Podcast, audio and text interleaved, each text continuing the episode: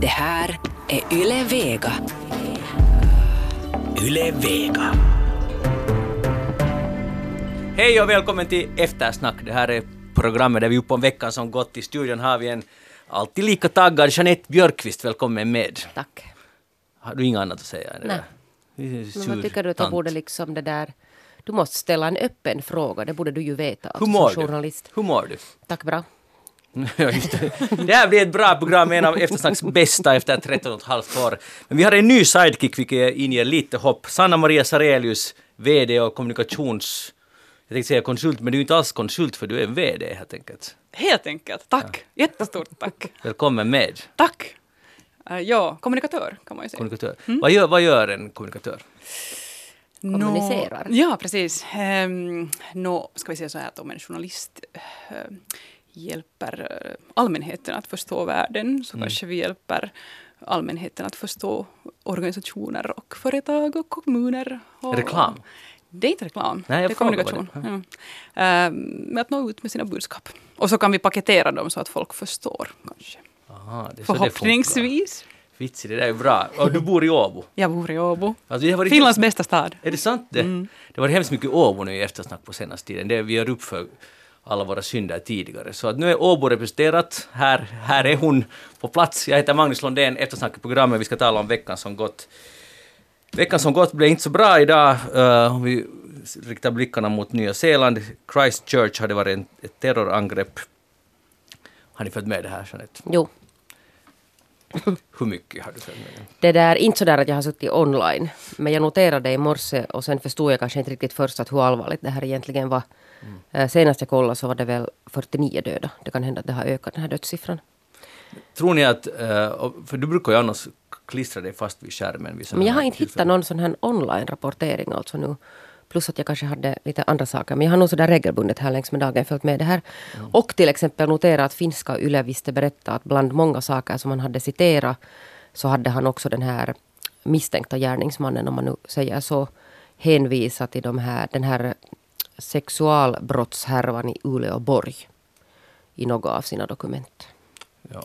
Och han skulle hämnas för terrordådet i Stockholm. Mm. 20, det var en inom situationstecken en hämnd för det. Tydligen också för Uleåborg. Sanna-Maria, har du följt, med det här? Ja, det är klart. Um, jag brukar inte liksom vältra mig i detaljer i sådana här, i sådana här fall som eh, händer förstås beklagligt ofta och, och de är jättetragiska. För att jag på något sätt tänker att, att om man hemskt mycket sätter sig in i de här manifesterna och tittar på något, han hade ju lagt ut liksom video, så det känns sådär att man på något sätt uh, ger liksom mm, sån uppmärksamhet åt sådana individer som de inte har gjort sig förtjänta av. Men det är klart att, att jag har läst nyheterna och, och det där följer ju ganska långt liksom mm, det här mönstret som vi har sett i många andra fall. Och jag väntar på den här profileringen som kommer nu här imorgon eller i övermorgon som då berättar åt oss att det här var då en en störing som inte hade något cover in och som inte hade någon tur med tjejerna och som blev vald sist in i rugbylaget. Och, och sen blev- började han, sen satt han sig där inne på sitt rum och började läsa att hur man gör bomber och, och titta på videon och sånt. Det är liksom alltid samma sak. Ursäkta, alltså jag vill inte verkligen inte låta respektlös liksom mot, mot offren. Men att Mm. No, han är, man vet ju att han är en, den som är misstänkt, fast det är inte helt Det är flera, säkert. ja. Det är flera, ja, men den är huvudmisstänkt. En 28-årig kille som beskriver sin bar barndom som någorlunda vanlig, eller vanlig. Men sen lyfter han upp bland annat Breivik då, att han har varit i kontakt med honom, vilket berättar mycket. Men sen, eh, det som jag ville diskutera, för han säger så här att, att han vill lyfta att jag är, jag, min kultur är europeisk och mina politisk, min politiska tro är europeisk. Min, min filo, filosofiska tro är europeisk, min, min identitet är euro, europeisk och viktigast av allt, mitt blod är europeiskt. Har ni kommentar till det här? Det där, eh, han är ju hemma från Australien om jag Mm. förstod rätt. Eh, sen det där vad han egentligen menar med det här europeiskt. Men, men på något sätt har han ju låtit sig inspireras av dåd i Europa, så måste det ju då vara. Och sen är då frågan alltså vilka dåd, alltså åtminstone har han med, det, med tanke på den här alltså sexualbrottsligheten så var han tydligen, hade han explicit också hotat eh, sådana som, som har flyttat till Europa och gjort sig skyldiga till sexbrott mot eh, då infödda europeiska kvinnor om man nu säger så. Och där alltså i anslutning till det hade han hänvisat till det här Uleåborgs-caset. Så på något sätt har han ju nog följt med det här. Han har ju förberett det här då tydligen i tre år. Mm. Men vad han menar med det här europeisk, så det blir ju en jätteintressant fråga. Men jag tycker det är intressant därför att jag läser in helt andra saker i ordet europeisk. Alltså där olika kan det vara. Och, och nu liksom låter han antyda att, att om man Alltså, för det är ju en, han är tydligen då stolt över det här, sin, sina europeiska rötter. Men vad är det han månne menar då med Europa? Vad är Det är europeiskt just det för jag honom? vill Arisk? diskutera. Frågetecken. Ja, Kanske. arisk Om man skulle byta ut det mot arisk så kanske han skulle vara liksom mer Men, så... men tänk vad man kan läsa in i ett ord, för att han, det liksom förpliktigar honom, tycker han, till att mörda 49 människor i en moské, gå in där. Och det är liksom det här, nu, nu liksom lever han ut sin europeiskhet. Det är ju ganska skrämmande nog att man kan jo, läsa men in han det är ju alltså det där, man måste ju förstå att, att han, där är ju någonting som inte stämmer i, i det där eh, hans tanke så där överlag. Så att jag vet inte hur mycket man nu sen ska alltså på riktigt gå in och djupanalysera. Att Mm. vad menar en sån här människa när han säger något sånt här?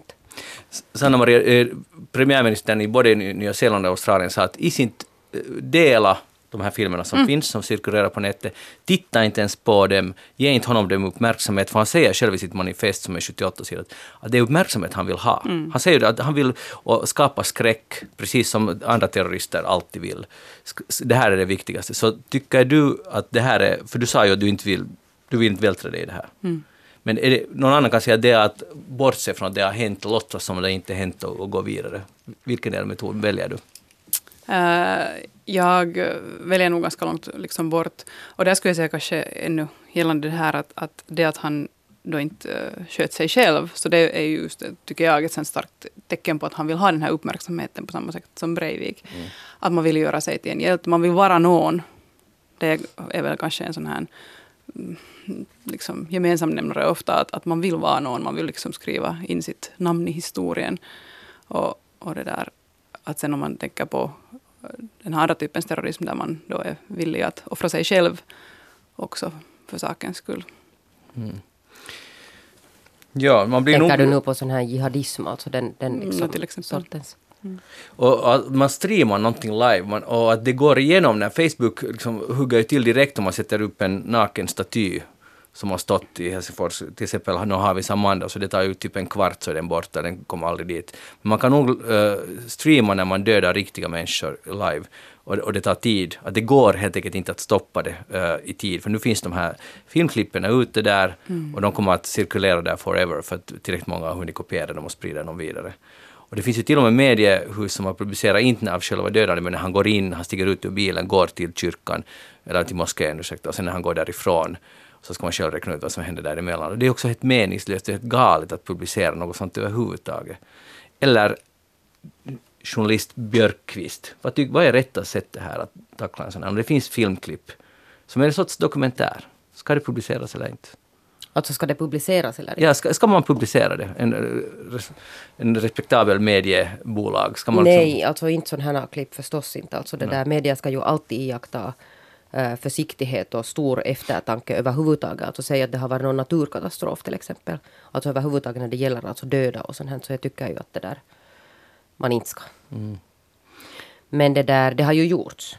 Att man ger ut alltså klipp på de här. Sen bara sägs det där att det där inspirerar. Alltså det kan fungera som en inspirationskälla. Men jag tycker att Sanna är inne på något ganska viktigt spår med det här. Att nu får vi vänta på den här profileringen alltså. Att hur ska man nu sen det där, alltså i- inom vilka ramar kommer man att sätta in den här gärningsmannen?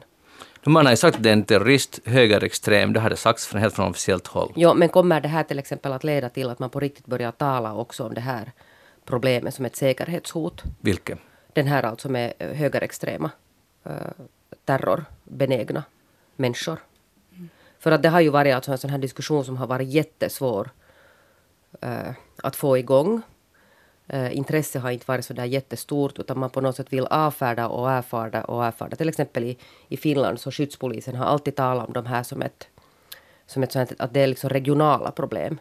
Om några högerextrema eller sådana här alltså sinnade gör någonting så avfärdar man alltid det som ett sånt här regionalt problem. Medan sen alltså till exempel Åbo knivdåd så är plötsligt liksom ett globalt problem. Ett exempel på att, att den här globala alltså problematiken har kommit till Finland. Och alltså inte att, att nedvärdera eller på något sätt liksom förringa den här eh, extrem islamism som visst är alltså ett problem. Men, men den här retoriken i samhället är jättefokuserad på det. Och sen när det kommer sån här slags eh, dåd så har man på något sätt svårt att dra upp det till en sån här allmän problematik. Mm, och det är det allmänna att man då just via de här profileringarna vill hitta en förklaring att det är en så att säga misslyckad person. Ja, i hans alltså, personliga person, liv. I hans personliga liv. Att ja, han har blivit mobbad, han har blivit utstängd. Och nu säger jag han för att det är ganska tunnsått med kvinnor på den här fronten. Men hen kanske då är, liksom, har en viss bakgrund, har en viss um, uppväxt som förklarar det här, har blivit besviken, har blivit utstött. Liksom, och, där, där, där. och då är det just som, som du säger, att, att det blir liksom fokus på den här uh, individen och att det är liksom ett, ett undantag. Mm. För det är sällan det görs en profileringar på de här extrem islamistiska terroristerna. Det gör, brukar, inte vet vi någonsin om deras Nej, det barndom. Som, det som kommer alltså är högst alltså det att, att är den här människan född till exempel i Frankrike? Är den alltså uppvuxen i Frankrike eller har den, kommit, har den flyttat in i Frankrike mm. eller vilket land det nu sen må gälla? Mm. Men, men sällan något mer än så. Mm. Vi går vidare. Uh, men alltså nu är det ju det är ju ett massmord, 49, det kommer säkert alltså att stiga. det är verkligen, det är ju helt hårresande om man liksom tar, tar till sig alltså på riktigt vad som har hänt där. Men det kan vara när det är, på, när det är i Nya Zeeland, att det känns, det blir en sån här mental, det är ändå en bit härifrån. Det är ju så långt bort det kan vara på vår jord, från Finland. Och man kanske inte Ja, men där finns, hållpunkter, där finns hållpunkter som vi nu riktigt ska tänka till. Alltså om, mm. om han nu hänvisar till det här med europeisk. Det gör han. Att vad, vad, liksom, vad handlar det här om? Får jag bara fråga, vad är europeisk eh, kultur för er? Alltså allvarligt talat, för jag hade en helt annan bild av jag kan inte svara alltså på det för att europeisk kultur är ju så mångfacetterad. Det finns ju inte alltså ett enkelt svar på det. Europa är fullt med olika länder som har liksom olika slags traditioner och så här. Mm. Är det något positivt, Sanna Maria? Uh, jo, det, det, tror jag nog. Alltså, stunder jag har känt mig europeisk, till exempel i USA, då, mm. då upplever jag, då kanske man kunde säga att, att mm, ett synonym kunde vara nordisk, skandinavisk, alltså att man är en produkt av det nordiska välfärdssamhället och det definierar en ganska mycket. Mm. Men eh, nu, är ju, nu finns det ju vissa liksom, kanske såna här bärande gemensamma eh, saker i, i, de, i en stor del av, av Europa, eller kärn-Europa, Västeuropa, Sydeuropa, liksom, Centraleuropa. Att, mm, att det är uppbyggt kring demokrati och det finns liksom vissa såna kärnvärden kanske där. Men, men vad han menar med europeisk så vet, vet det fan. Han menar att man ska mörda 49 människor. Mm. Vi går vidare. Det där klimatmedvetenheten ökar tydligen för varje dag. Man kan ju inte liksom låta bli att notera det. Idag har det varit demonstrationer i över hundra länder. Hundratusentals människor har varit ute på gatan, oftast mest flest ungdomar, äh, barn. Och där är de, och här sitter vi. Där. Va, va, vad tycker ni om det här? Det, det håller ju på att bli en enorm alltså, snöboll. Men har det inte varit nu i veckan några sådana diskussioner om det här att, att rektorerna, jätte, en del rektorer är jättearga på de här ungdomarna som, som går ut och demonstrerar? Ja, men det är ju... Och samtidigt är Greta Thunberg då tydligen nominerad för Nobels fredspris. Och Donald Trump. ja. Så där olika kan det vara i vår värld. Så där olika kan det vara. Men tycker ni att de är hjältar? Eller det är kanske ett stort ord, men är det positivt de är ute och skolkar, Sanna Maria? Blir du så att i skolan, där lär man sig. Och, och... Jag är ju inte den som ska kasta första stenen när det gäller skolka. det, var så, det var så länge sedan så det är liksom vad är preskriberat. Men, men Sanna Maria, jag är nästan säker på att du inte var där och, du skolkade inte för att demonstrera för en bättre miljö. Nej, men jag har däremot nog plockat skräp i köklax på lågstadiet i, Esbo, så gick vi omkring och liksom, vad heter det, gjorde rent i, i, vad heter det, vid vägkanterna, så att okay. uh, det sitter ju i det här med miljömedvetenhet ja. sedan barnsben. Men alltså jag tycker själv så här att Eh, alla möjliga, det finns ju alla möjliga åsikter just kring det här Greta Thunberg och, och det här och, och, folk eh, kommer med åsikter hit och dit. Men jag som mamma till, till barn och bonusmamma till barn och hit och dit så tänker jag att, att liksom det är på något sätt deprimerande att, att, att, liksom att barnen nu på något sätt håller på att axla ansvaret. Barnen ska vara drivkraften bakom, bakom liksom, att, att det ska bli en förändring.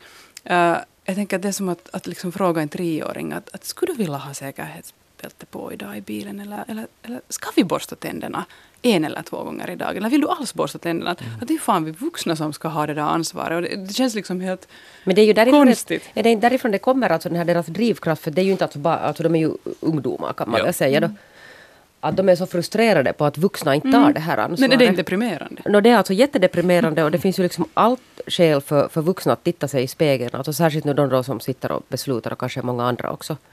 Men att, att, att ungdomarna ska behöva bli så frustrerade att de alltså skrider till sådana här åtgärder för att de som sitter och beslutar ska, ska vakna. Ja, deprimerande som ni båda nämnde, det är det minsta man kan säga tycker jag. För deprimerande är just vad det är. För det där, eh, vi ska tala om det också, men vi gjorde valkompassen här på YLE, har en fin sån här valkompass och Husis har också, båda funkar bra. Och så gjorde jag då och tittade vad jag fick och sen äh, jämförde vad män, alltså jag tog nu män, i min ålder svarar.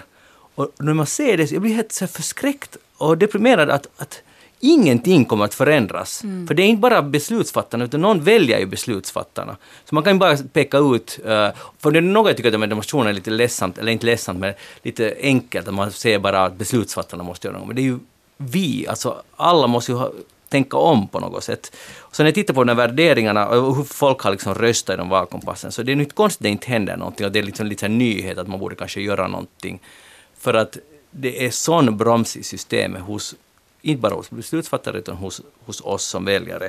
Nåja, nu har Svenska Yle skrivit också om ett, ett, om ett öppet brev som 1200 medlemmar i det fin, finländska forskarsamfundet har gett sitt stöd för klimatstrejkande barn och ungdomar. Och där är då intervjuad professor Leif Schulman och han säger så här, och han säger det så, mycket, så bra. Han, han, det där, uh, han frågar, mm, Leif Schulman säger så här, hur borta och oförstående kan medelålders beslutsfattare vara? Här är det alltid en mening och jag ska byta ut beslutsfattare mot medelålders människor överhuvudtaget bara. Och eh, inte alla, men de flesta. Det här är, det, det här är essensen. Det här är det, det är patetiskt hur svårt det ska vara. Och nu vet jag inte uh, svårt, men jag menar svårt, att byta sin livsstil till exempel. Mm. Uh, ingen vill vi vill ju alla leva ett ganska nice liv. Ja, och det är ju det där att, att, att avstå uppnådda förmåner också, ja. så det är ju inte hemskt lätt alltså. Mm. Okej, okay, så du frågar, är vi, är vi på något sätt bättre här i studion? Sanna Maria, är du redo att avstå någonting? Alltså helt på riktigt, något materiellt eller bekvämlighet, någonting? Mm. Nå, sånt som har helt på sistone kommit, liksom, som har blivit så här, mera medveten och, och, och faktiskt börjat påverka, påverka ens val är ju eh, många små saker, men att det här med att eh, flyg, liksom att resa per flyg. Eh, sen att eh, överhuvudtaget hur, hur man liksom rör sig, att, att privatbilism och, och liksom alternativ där, att, att byta till gasbil eller, eller inte, och, eller elbil och, och det där Äh, det här att vi slänger inte plast längre hemma hos oss i, i att vi har överhuvudtaget vår liksom, mängden avfall som vi producerar har, har drastiskt sjunkit i vårt hushåll. Att det är ju så här privata, liksom personliga småval. Så ju, det är klart att den här medvetenheten hela tiden ökar, men den har nog också funnits. Men sen tror jag ju jättemycket på att alla de här stora förändringarna kommer från det att man möjliggör förändringar. Alltså att, att till exempel att vi pantar flaskor, så men det skulle att ingen åter, återanvänder flaskor ifall det inte finns ett system för det. Mm. Så att, att um, det är jätteviktigt med personliga val, men det är liksom, tycker jag ännu viktigare att, att samhället förbinder sig och möjliggör de där valen. Och jag menar till exempel i energiproduktion skulle det finnas hur mycket... Vi, vi har ju svaret på många av de här frågorna redan. Alltså så, de här problemen. Svaren finns, lösningarna finns, det finns business på det, uh, men det går ändå så trögt. Att det är ju inte alls till exempel om flyg så vet vi alla. Det, det här är, det är inte någon nyhet för någon. Eller eh, energiproduktion. Det, det är renare att producera med... Det är svårt halva året i Finland med att sol, solenergi är det är, och det är förmånligt trend, det är billigt, vindkraftverk, okej okay, det har lite ljud ibland. Det finns alla möjliga lösningar och det finns massor som är på gång, men det går ganska trögt. Men så säger någon, ja men industrin klarar inte sig med de här alternativa. Ja, man ja. kommer alltid alltså sen fram till den här industrins behov. Ja, och då, då tycker man att gör vi hellre ingenting. Och, och det här, jag, jag, jag, liksom, jag, var, jag var igår på en pjäs på virus där de tog upp just den här frågan. Globaré på virus visas också idag, fredag också i april. Och, och där, jag började bara också tänka efteråt, uh, började fundera på de här frågorna. Hur, alltså den här konservatismen, för det tog upp just det här att vi, vi, man försöker blunda för, för vad som håller på att ske. Och jag tycker att det, det är nog vårt största brott nästan, och det gäller egentligen alla förändringar, att det alltid ska vara så trögt. Det är ju ibland bra med att det är tröghet i systemet, för att, att det är inte saker bara man byter, vänder kappan direkt. Men annars är vi ju jättesnabba att fördöma människor. Drevet går, på en vecka kan, all, kan någon vara liksom helt... Nu Michael Jackson gått från hjälte till världens största mänsklighetens fiende. Det går snabbt sådana här saker. Men att förändra vårt beteende, det går inte. Nej, och det finns alltså vissa andra saker som också går snabbt att göra när man vill. Alltså. som ett kanske ganska trivialt exempel, så när den här regeringen nu som är på väg ut bestämde sig för att man vill ändra alltså lagar kring utlännings, alltså utlänningslagstiftningen kring de här asylsökande. Så pam, pam, pam, pam så hade man gjort en massa förändringar på nolltid. Utan att så konsekvensbedömning i och för sig. Men. Det där, Jeanette, själv då? Har du någon... Det där, alltså jag är ute efter det här och, och då behöver man inte säga tycka så här att nu jag är ganska miljömedveten, jag har en lever en, att, att, jag, vill- att kan man ändra någonting själv? Jag försöker tänka vad, Ja, det är vad borde jag själv alltså, göra? Man kan göra en massa saker alltså på, sådär på personligt plan och så kommer någon sen alltid och säger att inte spelar det nu någon roll vad jag gör här i Finland. Att Det är ungefär det ändå- sämsta argumentet det, Jo, som och det är alltid liksom, det är på något sätt alltid, och, och det är klart, jag tror säkert att alla i den här studion är så pass medvetna att man gör en massa små saker, just sådär att man äh, återvinner, äh, väljer kanske tåg hellre istället för flygplan, kör mindre bil, liksom what not. Och sen är det nu kanske sådana mikrosmå, små det där handlingar, men Det som jag tycker är intressant med det här att, det, att nu barn och unga liksom har aktiverat sig, att, att de har ju inte egentligen, om vi tänker till exempel på Östersjöns tillstånd, så de har ju inte den där bakgrunden. De har ju inte liksom det där att mm, här ser vi fem meter ner rakt, att sikten är perfekt och, och det där, man kan ungefär dricka liksom, vattnet i Östersjön ifall det inte var bräckt. Men, att, men vi har ju det. Att vi har ju haft våra landen där vi, där vi har liksom fiskat och simmat och, och det där upplevt barndomar utan blågröna alger. Så vi har ju liksom, vi som är så här nu kring 40 plus de, och de, de som är lite äldre. Så vi har ju den här bakgrunden och vi har sett hela den här utvecklingen, hur snabbt den gick. Och ändå så är det så där att mm, men kanske nästa sommar så kommer italienarna ändå. Kanske de inte kommer till min stugstrand. Att man har nog väldigt, människan har liksom uh, en väldigt så här lång fjäder liksom att, att, att, att tolerera och på något sätt hoppas att det vänder av sig själv. Och, och jag tycker det är intressant för att i, jag i olika sammanhang så, så har jag försökt liksom lyfta upp de här frågorna, till exempel på ett seminarium kring dagligvaruhandelns framtid och, och sådana här olika hotbilder som, som, som finns. Liksom. Och när jag lyfte fram att, ja, no, att nu var liksom rågskörden den sämsta sedan de här mm, hungersnödsåren i Finland, så var det så här, mm, folk liksom så här tittar bort ungefär. Att, ja, men inte ska vi tala om det, att inte ska vi tala om, om om, liksom, om klimatet, för, för Amazon kan komma till Finland och det är jättefarligt. Så att okej, men att eh, sen när, det inte, när inte rågen mera växer så hmm. Att, att det finns nog liksom fortfarande tycker jag en sån här att man, man är nog intresserad av att diskutera men sen när det kommer riktigt det här att, att ja men vad är liksom vilka är konsekvenserna och, Och jag tycker den där Östersjön är ju ett jättebra exempel för det har ju talats alltså i åratal har man varit medveten om vartåt alltså det barkar. Kanske ingen nu kunde förutsäga alltså hur dåligt det skulle bli om man nu tänker till exempel på förra sommaren. Och sen alltså det att man talar och talar och talar sen görs det hemskt lite. Att nu liksom kanske vi ska komma till den tiden när man borde på riktigt alltså börja göra. jag ser, alltså, jag ser att det här beror mycket på medelålders män. För att alltså igen, när jag tittar på den där, hur vi, hur vi, vad vi tycker, och jag räknar nu med dit med då, fast jag inte röstar som många andra, men, men att, att det är helt, alltså det är otrolig konservatism. Alltså jag, jag, har, jag måste säga jag visste inte det här. Det är chockerande. Allt ska helst bara fortsätta som förr. Men det där, titta någon av er på den här Yles, den här finska valdebatten, den började igår alltså. Och där var alla de här stora parti, nej, alla partiordförande faktiskt.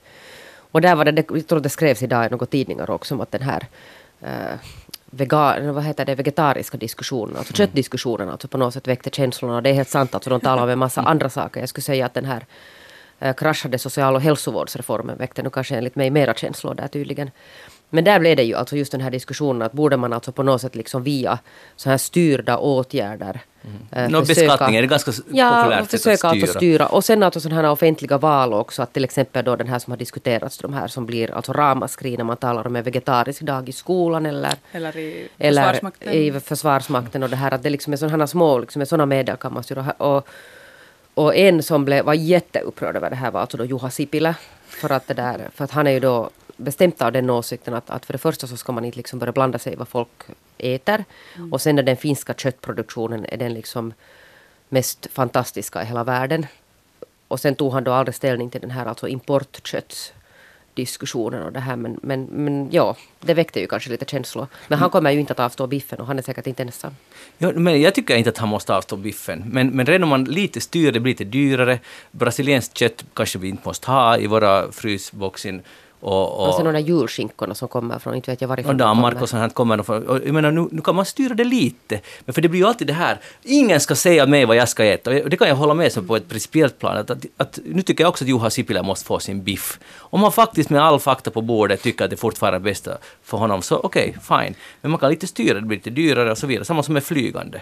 För inte kan vi heller ha en värld där ingen får flyga ingen får äta kött. Det blir, det blir, Nej, och det, det har ju inte. ingen någonsin sagt. Nej, det är just det, att ingen har sagt det. Men man säger det som om någon skulle ha sagt det. Ja. Och så kommer man, så kommer man, ja det är nog Men sant. det finns ju de här, och nu kommer jag ju inte ihåg, jag vet inte om du Magnus kommer ihåg, vi har talat någon gång om det här, alltså mängden kött som äts i Finland per år. De är ju alltså något helt 80 sinnessjuka kilo cirka. per person. Ja. Och då ska I man komma, ja, och då ska man ju komma ihåg det där att hur många som är barn i det här landet och så räknar man in att det finns en hel del alltså människor som bara äter vegetariskt. Så slår man in och inser då att det, det är liksom hiskeliga mängder. Mm. Eftersom man inte kan slå ut det så här per capita alltså. Jag tycker det är intressant när man, till, till exempel i den här diskussionen med många andra också, att den här korta historiesynen som man har, alltså att, att jag brukar säga liksom att det ryms alltid en sanning åt gången i Finland. Och, och i det här är det ju det att, ja men här har vi ju alltid ätit kött. Att det är ju liksom, det är det som vi bygger, det är liksom stapeln i vår, i, i vår diet. Alltså så att, uh, nej, alltså när Finland var ett agrart samhälle så åt man väldigt mycket rotsaker och grönsaker och väldigt sällan kött eftersom de inte, jag menar, gemene man hade inte möjlighet att leva på kött. Liksom. Det var dyrt och det borde vara dyrare än vad det är nu. Också att nu har det ju liksom hänt på en jättekort tid det här att det har blivit liksom att malda kött är det som vi alla, ja inte vi alla, men att jag menar en stor del liksom lever på, på det och, och det, det, är billigt och det är jättelätt. Och, men inte har det alltid varit så. Nej. Och, och då, det är ju det här argumentet man använder, att det har alltid varit så här. Ja. Som du sa, så, det, så är det.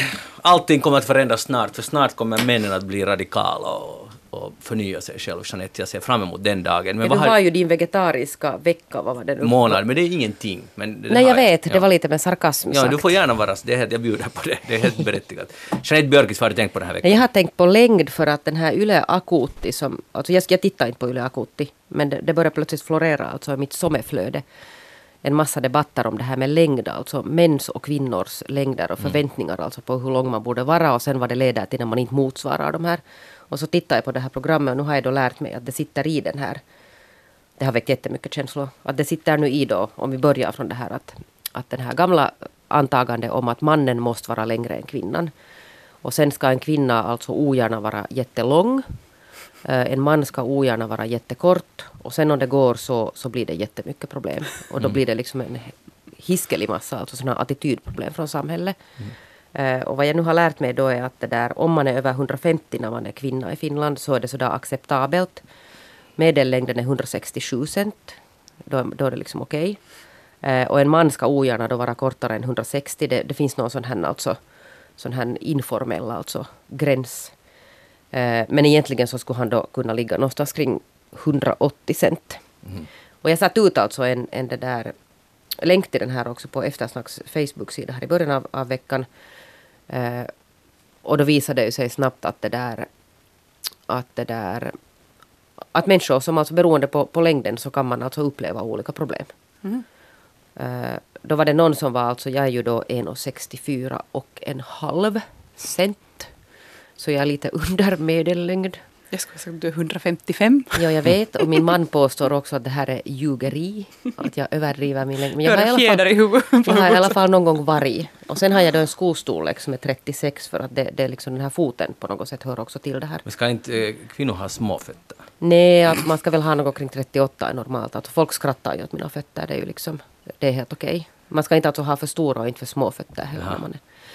Lagom är bäst. Lagar Lagom- mest. Och vem bryr sig? Bryr sig någon nu om det? No, alltså jättemånga människor bryr sig. Och så fick jag alltså där, där i Eftersnacks Facebook-sida också en lång kvinna som berättade att det är jättejobbigt att vara lång. Att hon på något sätt aldrig har liksom vågat riktigt, eller klarar av att stå med rak rygg för att hon alltid känner sig på något sätt.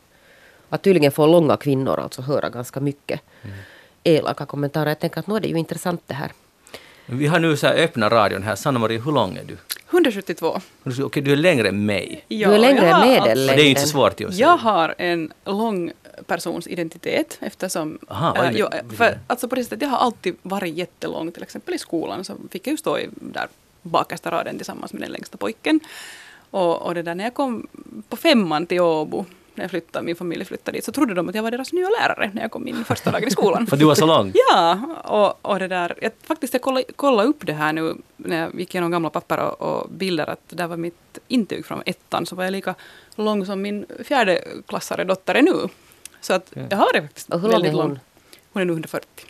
No, Sanna, berätt, hur är det nu att vara lång? Jag är ju inte lång mera. Det är ju Nej. det, det jag höll på att komma till. Ah. Att det finns ju massa människor och, och kvinnor som är längre än jag och, och tonåringar idag så de, det känns ju att de har blivit längre liksom och, och de använder ju högklackat mm, i ett mycket tidigare skede än man själv. och- mina bonusbarn växte förbi mig alltså när de Ja. var ungefär 11. Så att jag har ju märkt att jag inte alls är särskilt lång. Men nu har jag ju liksom ändå upplevt det där att, att, att eftersom jag länge var en lång person, en lång kvinna, att man liksom på något sätt kanske bemöttes annorlunda än en lite kortare kvinna. Och man har ju aldrig varit liksom liten och ven och sådär.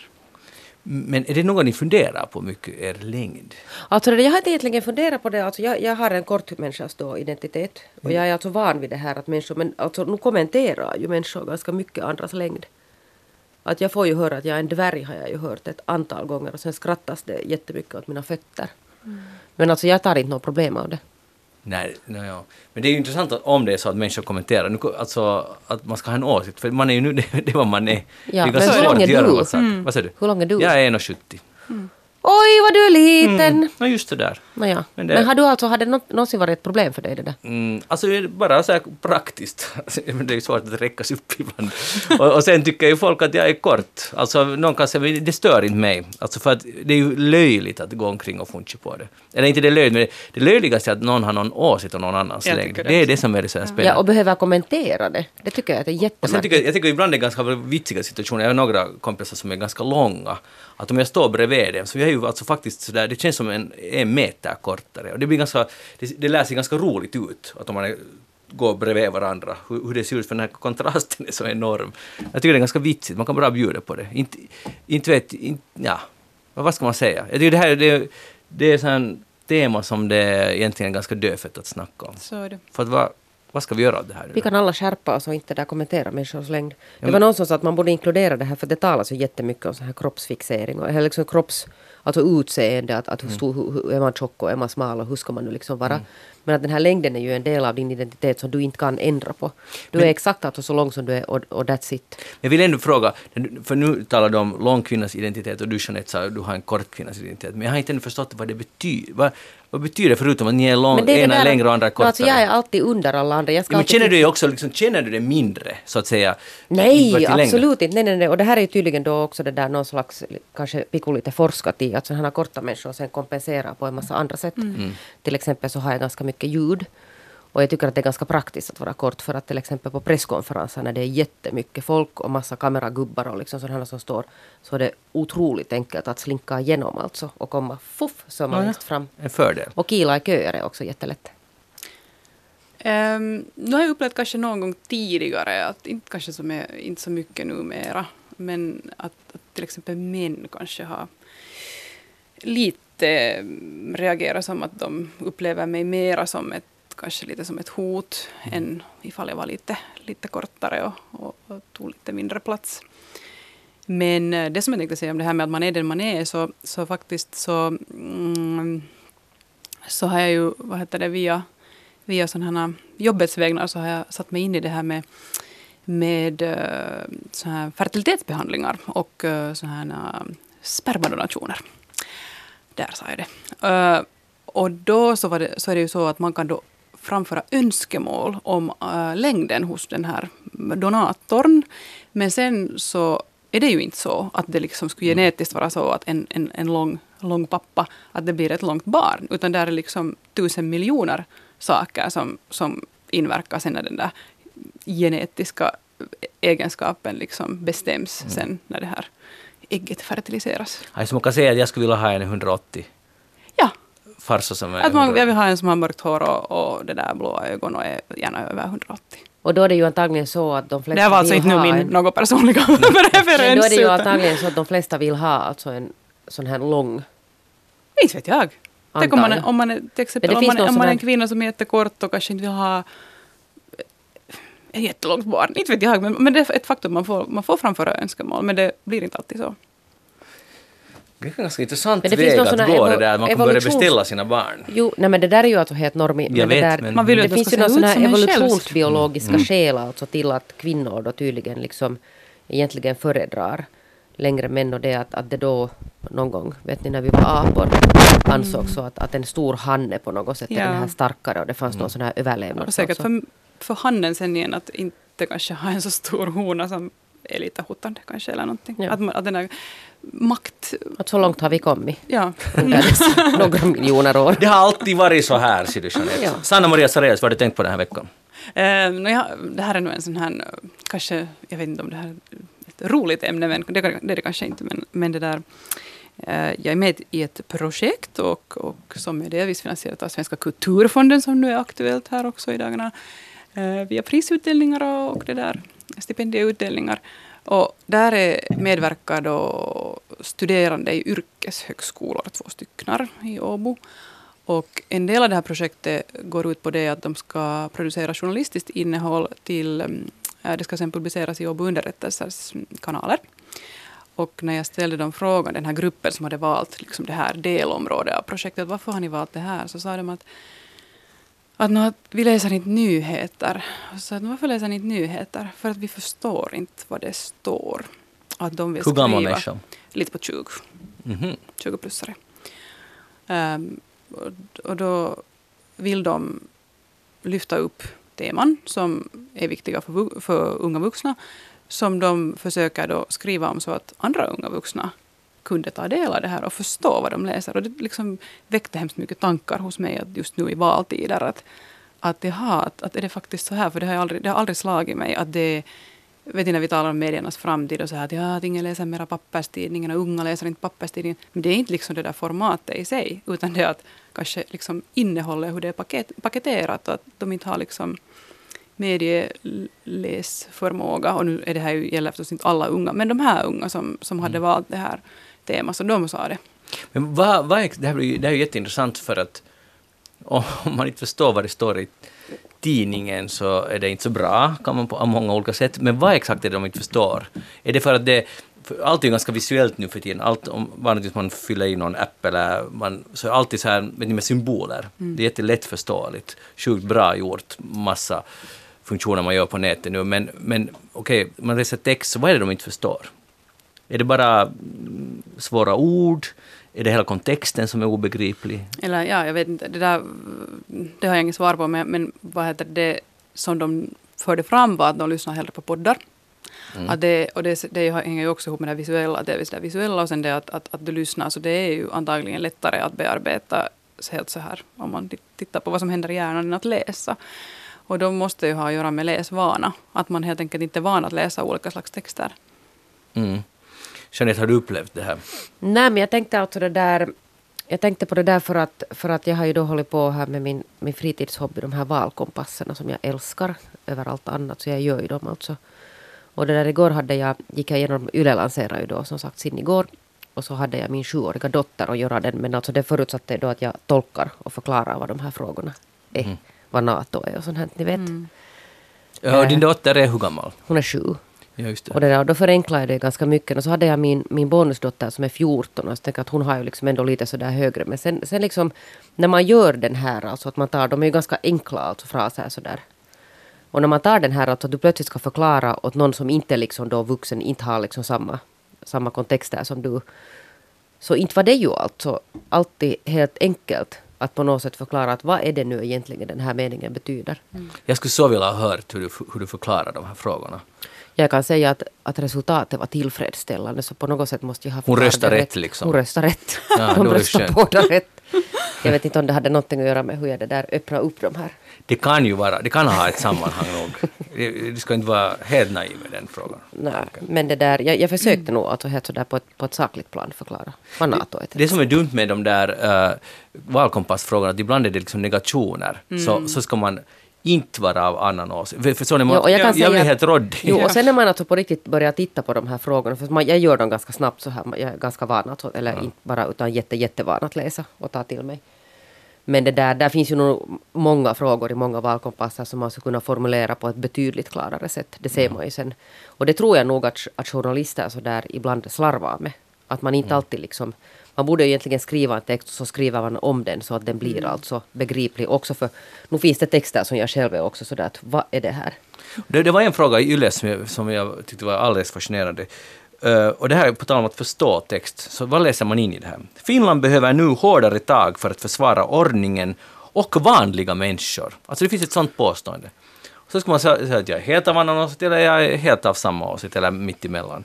Finland behöver nu, obs, det är ett nu, alltså behöver nu hårdare tag för att försvara ordningen och vanliga människor. Sen finns det ett annat som säger att traditionella värden är en bra grund för ett gott liv.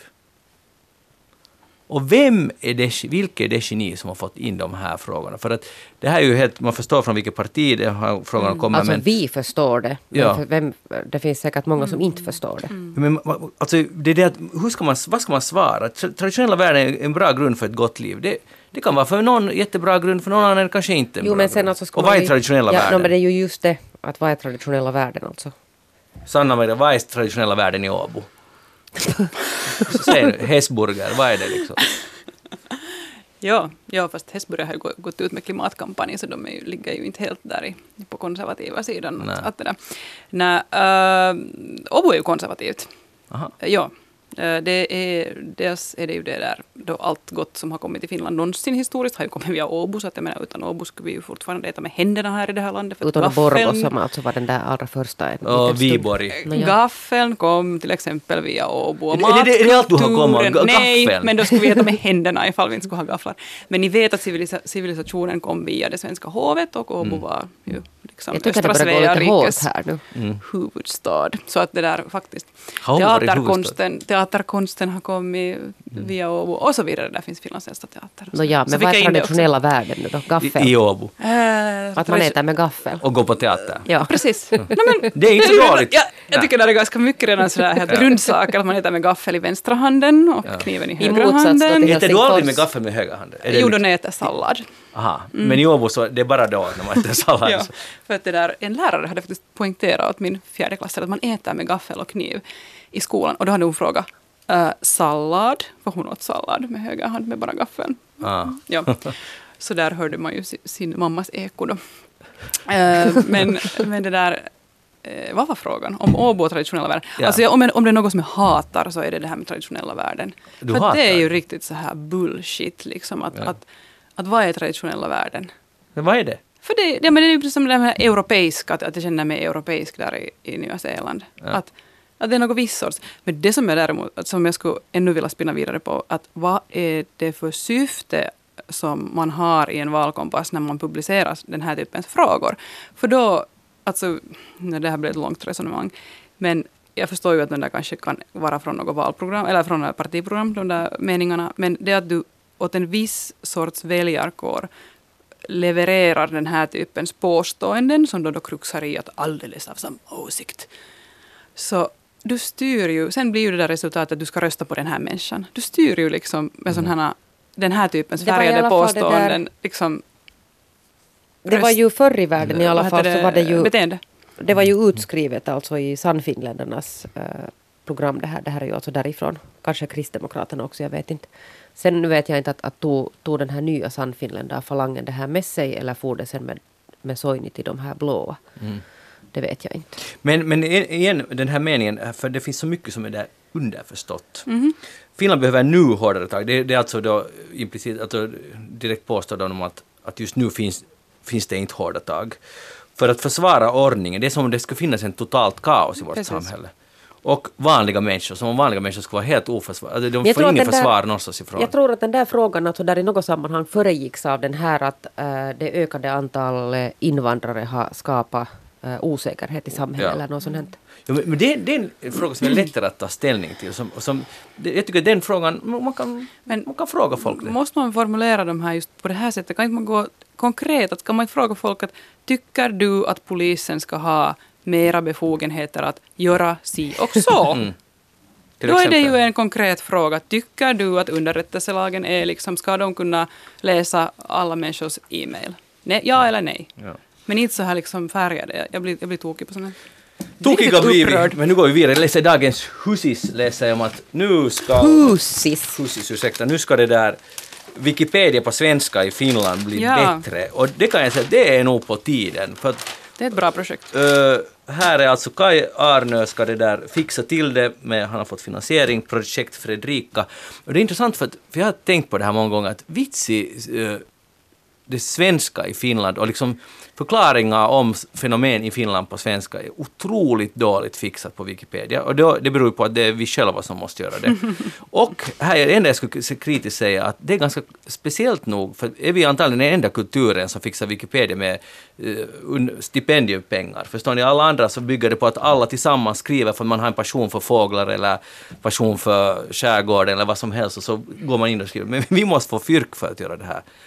Eller Men det inte det nu väl helt riktigt sant det där heller. Nej, alltså det här är inte någon kritik på projektet, det är helt jättebra att det görs. Jag tycker att det är men tänk att, inte har gjort, att vi inte har lyckats fixa till Men nu Wikipedia finns det ju själva. lite, men du har rätt alltså, det är ju jättestympat. Men jag tycker att det där underbara i det här var det att de ska hårdsatsa nu på att det där få in information om NAG. Ja. Ja. i Wikipedia, så det kommer att vara så här otroligt överslag att, att NAGU liksom tillsammans har säkert mera information Och Korpo har ingenting. än liksom någonting annat överhuvudtaget. Alltså, i Det är fast på. ja, Nago kommer få, och det är, Och det är jättebra. Det är bra, na, ja, det måste vi ju bjuda på. Och det, det, de har ju all rätt att göra för de börjar någonstans Jo, ifrån. men det hindrar ju ingen alltså att utan pengar också gå dit och försöka lite uppdatera. Och då kommer jag in på frågan, har ni någonsin varit inne och Wikipedia, liksom editera, Sanna Maria? Nej. Har du aldrig varit? Nej, faktiskt. För det gjort- finns ju inte ens en Wikipedia-sida om mig. Oj nej, men efter det här kommer det att finnas. Du. Men, men eh, jag, har varit, jag hade en hård Wikipedia-fight i, i tiderna med, om, angående Ior Bock. Mm. Jag skrev ett långt reportage om honom och sen, sen fick jag ganska mycket ovett av Ior Bocks lärjungar. Och då tänkte jag nu ska jag ta den här fighten för jag tyckte det var jätteunderhållande. Så gick jag in i Wikipedia och den alltså pågick i några månader, från till, från till. Liksom, och vitsigt så de attackerade mig. Och sen till slut blev det någon sorts... Jag skulle inte, det är lite som Koreahalvön, att det blev liksom inte fred, men det blev liksom vapenstillestånd. Att vi, vi alla ut, blev utmattade. Mm, Kan du berätta liksom så här konkret, att är det så att, att du publicerar det liksom så där att det publiceras genast eller är det, ska det gå via någon som godkänner det? Och, Ja. Eller och det är sen så att Earbox-anhängare så de publicerar också genast och det liksom ändrar den här texten så där i realtid Ja, texten ändå byter hela, för, för, och man kan gå och spåra alla ändringar. Det är, det är ju nog ett jätteintressant system och ganska uttänkt. Alltså det är ju nog genier som har... Det är den här kollektiva kraften i hur man utvecklar ett system. Att, uh, nå, jag går dit och skriver att Ior Bock hette egentligen Holger Svedlin eller något i den stilen. Och det är ju, det är ju fakta, men var, jag skrev bara fakta. Tyckte jag nu själv i alla fall. Eller det var bara fakta. Och sen kommer lärjungarna och säger att, att, nej, att han var egentligen en bock och han var allt, vet ni, allt det här, sån här sagan. Som är en kiva saga men tyvärr inte sann. Så det där, och sen går man dit och så svartmålar de mig att jag är en sensationell sensationsjournalist och sen fightar jag Men tillbaka. skriver de in, skrev de in det här i Jo, Wikipedia? jo, men de, man allt måste ha källor i Wikipedia. Det, det spelar egentligen inte någon roll vilken källa det är.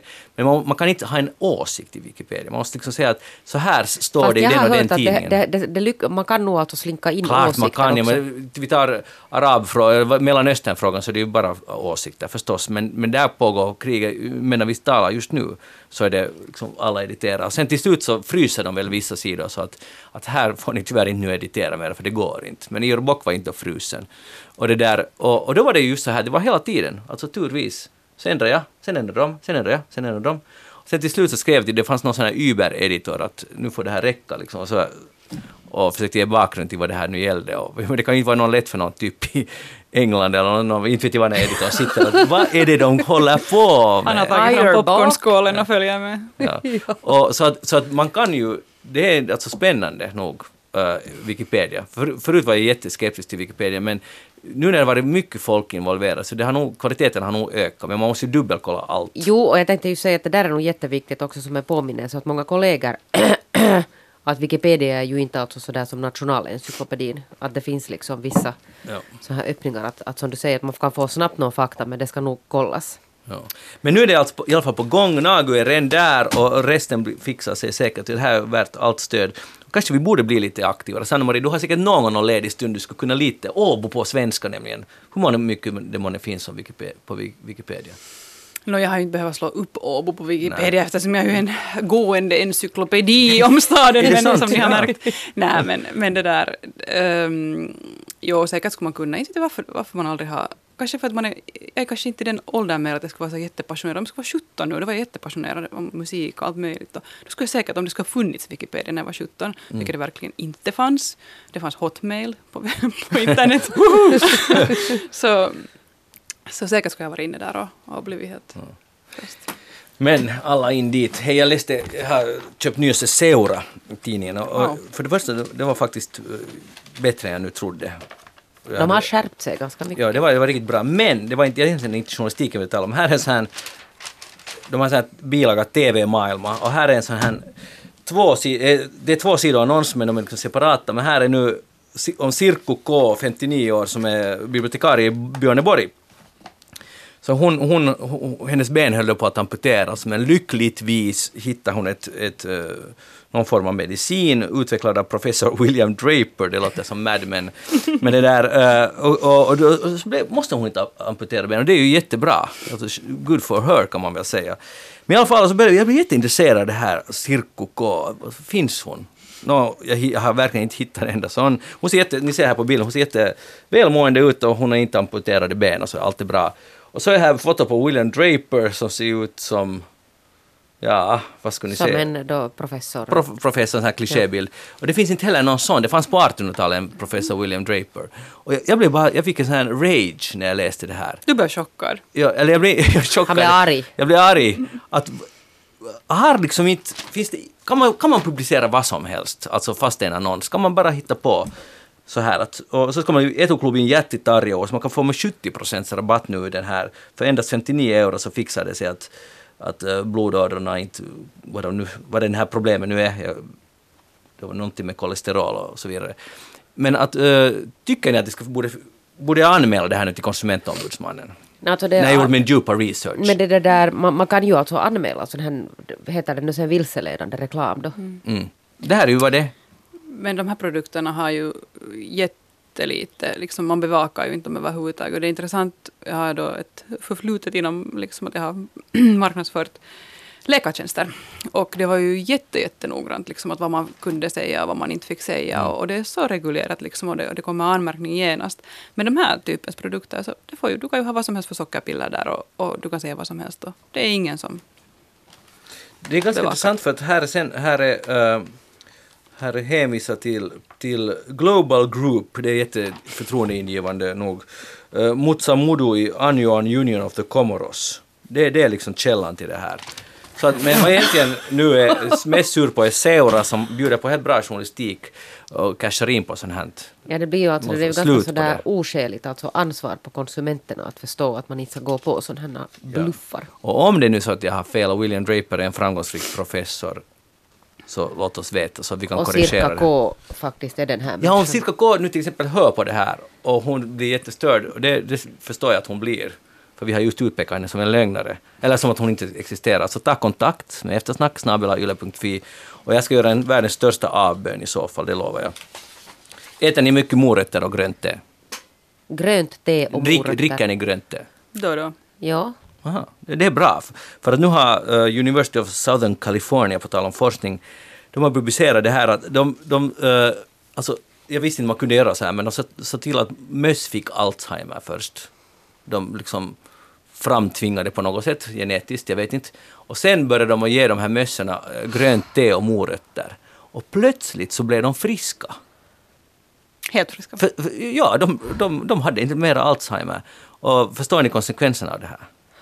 Det här de kan... sa, så sa den lilla musen där i den här att nu minns jag. labben. Att nu minns jag vad nycklarna är. Pip, pip. Det betydde att, den, nu, nu, att nu hade den Alzheimer, jag kommer inte ihåg någonting, och så ja. sa den pip, pip. Det är två månader senare var, var, de, var de befriade från Alzheimer. Men det är ju, om det här nu stämmer, det här är ju inte jag som säger det här, utan det här är publicerat också i Journal of Biological Chemistry.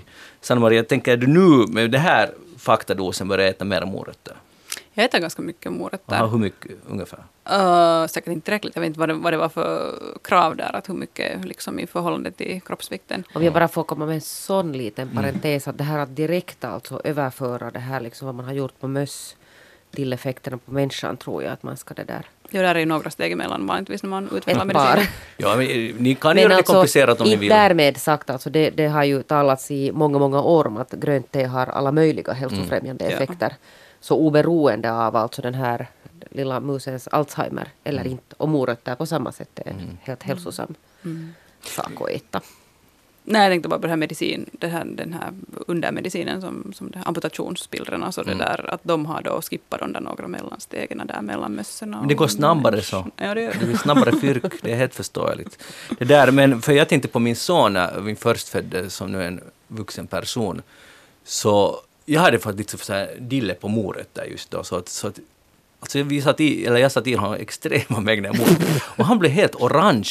Mm, Och- brun och- på sommaren. Ja, ja. Och, och, och ibland har jag tänkt att månne han fick för mycket, men nu är det goda nyheter för att han kommer säkert den sista människan i världen som kommer att få Alzheimer. Alltså om, om det på något sätt stannar kvar där i kroppen, det här modet. Ja, eftersom han ju då är att liknas vid en mus. Ja, no, ja. Men, men det där, så, så morötter är, så, du har aldrig blivit orange, du har inte märkt något sånt. När du sa att du äter ganska mycket. Nej, jag har, jag har inte blivit orange. Man ska väl äta extrema mängder för Men att det är bli ganska orange. vackert nog. Alltså här morotsorange. Sådär som Donald Det är ju in. tänkte jag säga. ja, det är, ju- det är ju stiligt, är det inte? Hej, och allra sist, Jeanette, du är ju en stor vän av katter, eller hur? Ja, nu men finns vet du, det är Sanna Maria Sarelius Ja. också. Är ni? Men Ja. det är perfekt, för nu finns det ett café i New York, Café Brooklyn, eller i, på Brooklyn, där man kan yoga med katter. Aj, men det finns i Helsingfors också ett kattcafé. Jo, men här yogar man där. Jag tror att de hade börjat... Ja, men de hade, jag tror att det var, nå det var jag hörde rykten om några yoga sådana också. Är det sant? Så Helsingfors är kanske en föregångare. Då har du tänkt, du har ju alltid varit motståndare till yoga, eller du tycker att det är lite löjligt. Nej, men jag yogar vet du där hemma med mina katter. Men vi har en egen slags yoga. Jaha, det, det låter lite intressant. Men Ja. Sanna-Maria, har du någonsin yogat med katter? Nej, alltså mina katter skulle nog ha sagt liksom om du skulle kunna tala att fuck you om jag skulle börja yoga med dem. men, alltså, men det där, eh, för att de är ju så självständiga och självgående och liksom totalt ointresserade av vad människor gör så där överlag. Så jag tänker att katten kanske inte är det mest optimala djuret att yoga med. Det har, man ju länge yogat med hundar. Ja, just det. Här är mycket, jag lärde mig mycket på de här sekunderna som jag inte visste om. Men äh, hoppas dina katter beter sig i framtiden Ja, jag har bättre. ingen för nu just. Ah. Nej, jag hade som barn. Jeanette. Björkqvist, det var härligt att du var här. Tänk att du hittade hit till Böle eh, till Eftersnack. Jeanette Björkqvist, tack så mycket. Sanna-Maria Sarelius, tack för att du var med i Tusen tack. Eftersnack. Jag heter Magnus Lundén. Vi är tillbaka igen om en vecka. Gå in på facebook.com eftersnack eller e-posta oss på eftersnack.yle.fi. Ha det bra. Hej då!